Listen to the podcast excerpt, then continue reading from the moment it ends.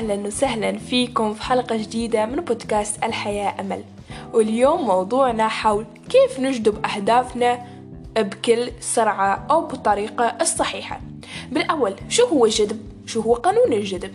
بكل بساطة بدون هالأقوال كلها بدون هالتكذيب كله وبدون هالأشخاص اللي بيقولوا إنه قانون الجذب حرام الصراحة منو اكتشف قانون الجذب؟ بصراحة يمكن يكونوا اكتشفوه غربيون أو عربيون. وهو بصراحة الجذب بيصير في حياتنا بشكل اعتيادي أو الحين بيصير جذب. يعني جذب ما له شيء بيتوقف هو قانون كوني نقدر نقول.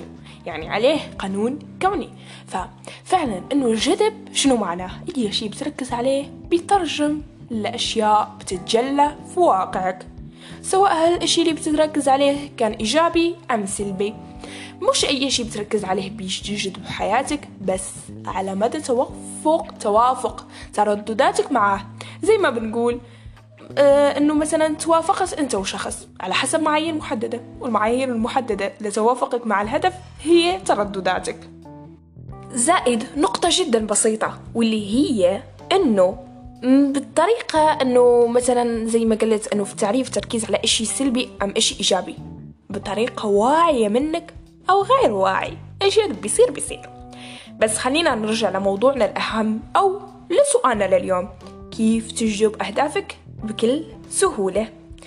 أول شي ليش ما بنجذب أهدافنا؟ ليش لما نحط أهداف ليش لما نكتب الخطة محددة؟ وإنه خطة رح نعملها. رح أعطيكم سر. أي هدف أي هدف ما بيتحقق إلا إذا كنت اشتغلت عليه من الداخل ومن الخارج. لأجي للخارج لأن نجي للخارج واحد في المية. لأن أجي للداخل تسعة وتسعين في المية.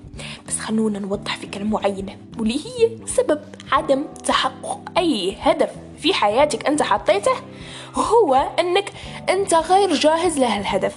أنت نسختك ما أنها متوافقة مع الهدف. راح أعطيكم مثال بسيط. مثلا حداد وعندنا هون طبيب. راح نعطي مهنة الطبيب. إنه راح نعطي هيك يعني رسالة لهالحداد ونقدر نقول له إنه في عندك منحة إنك تكمل دراسك وتصير طبيب أو إنه تصير طبيب. هو أصلا مكمل دراسه بس إنه ما عارف ولا شيء في الطب. هل راح ترى راح يقبل؟ راح يوافق يوافق وراح يوافق هو إنه يصير طبيب؟ وهل هو هل إنه الأشخاص اللي طلبوا منه هالشغل راح يوافقوا؟ أكيد لا. لأنه هو ما متوافق معاه. ما متوافق. نسخته الحالية ما متوافقه مع الهدف مثلا شخص ما ما أقدر أعطيك معايير محددة للتوافق. أنت بتعرف حالك. أنت بتعرف حالك. طب سؤال جدا جميل راح تطرحوه هو كيف يعني شو بيعني نسخة؟ كيف أعرف النسخة اللي بيحتاجها الهدف؟ أسأل هالسؤال. أسأل السؤال اللي قالته واللي عقل عليه هيك. آه، كانت قالته الأستاذ سمية الناصر. مين حقق الهدف؟ شو هو من هو الشخص اللي حقق الهدف قبلي؟ يعني الهدف اللي حطيناه إحنا إحنا أكيد في شخص قبل منك حققه. طب شو شو المعايير اللي عنده؟ شو هالسؤال كتير بيوضح كتير كتير بيوضح كتير أشياء. نجي الحين للخطوة الثانية والثالثة. صراحة آه، نقدر نقول الجذب ملخصة في ثلاثة أفعال. الفعل الأول هو الإيمان الفعل الثاني هو الشعور الفعل الثالث هو التصور. وزيدكم فعل رابع. واللي هو التحديد. بننسى بنقول بدي أصير مليونير بس نحن ما حددنا الهدف بشكل دقيق.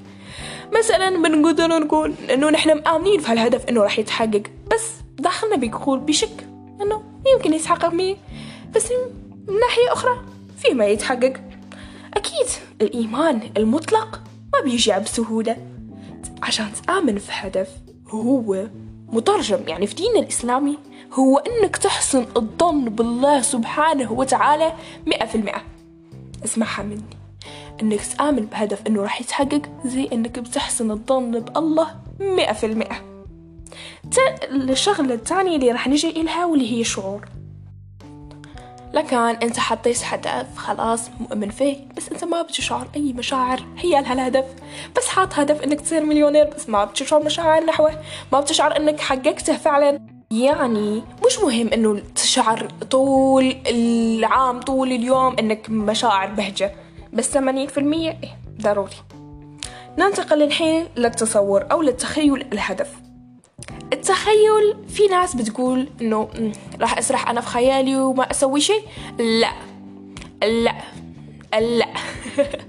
المهم التصور التصور تبع الهدف بينطبق عندنا لقسمين. هالشي كله من مفاهيمي ومن تجربتي وأنا جذبت أشياء في حياتي. الجذب هو صراحة نحن بنجذب أشياء بنجذب أشياء سواء كنا واعيين أو لا وبعيد أكررها المهم التصور هو أنك تتخيل الهدف. عشر دقائق لما تقعد من النوم لما تجي تنام. تخيل الهدف بكل تفاصيله. نحن بنسرح بتخيل الأحداث السلبية. طب اسرح في هدفك. اسرح بأنك تصير مليونير. اسرح بالأشياء اللي راح تسويها وأنت أنت مليونير وابدأ أسويها okay؟ القسم الثاني من التصور هو التصور الفعلي. الحقيقي. تشتغل واحد في المية. طب أنت شو راح تصير مثلا شخص بده يبحث عن وظيفة يكتب لي الوظيفة بدي الوظيفة ويعيد يكررها كتابة وبس ما بيسوي شيء قاعد في البيت. أنا ما بقولك إنك طي... إنك تروح وت... بس تحرك. والله تحركوا. الصراحة إنه مثلا أنا شخصيا كان ودي اقابل صديقة لي من زمان. بس الصراحة ما سمحت الفرصة. وبقول إنه مثلا الكورونا بعدتنا بس إنه ما فيني يعني أدق لها الهاتف وتقولها تيجي عندي أو هي إنه أنا أروح عندها ما فيني. طب أنا شو سويت؟ كتبت هالهدف. مش هدف؟ يعني هي نية اتجلت واقعي. فيعني صراحة هيك قلت اليوم إن شاء الله كتبتها ونسيتها يعني. وفتحت الباب ورحت. والتقيتها والله التقيتها هيك شخصيا. فهذا شو هذا هو اللي بأعني بأنه التوافق.